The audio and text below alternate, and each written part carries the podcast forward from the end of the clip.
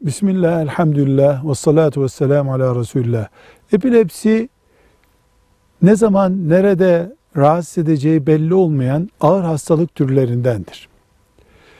Bu tür hastalıklara müptela olmuş gençler, evlenecekleri zaman onların tedavisiyle meşgul olan doktoruna gitmeli.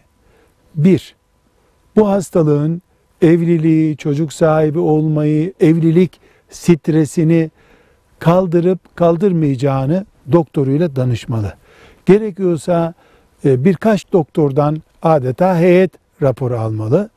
İki, e, doktora bu hastalığın eşinin haklarıyla ilgili boyutu olup olmayacağını da sormalı.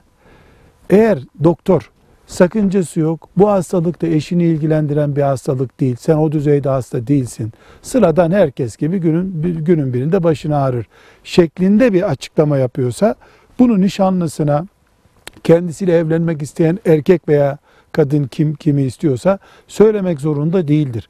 Ama doktorun sen bir gün e, mutfakta yemek yaparken bayılıp düşebilirsin. Bıçakla fark etmeden elini kesebilirsin. Senin hastalığın tehlikelidir diye ikazda bulunduysa bu Müslüman genç kendisiyle evlenmek isteyene hastalığıyla ilgili bilgi vermek zorundadır.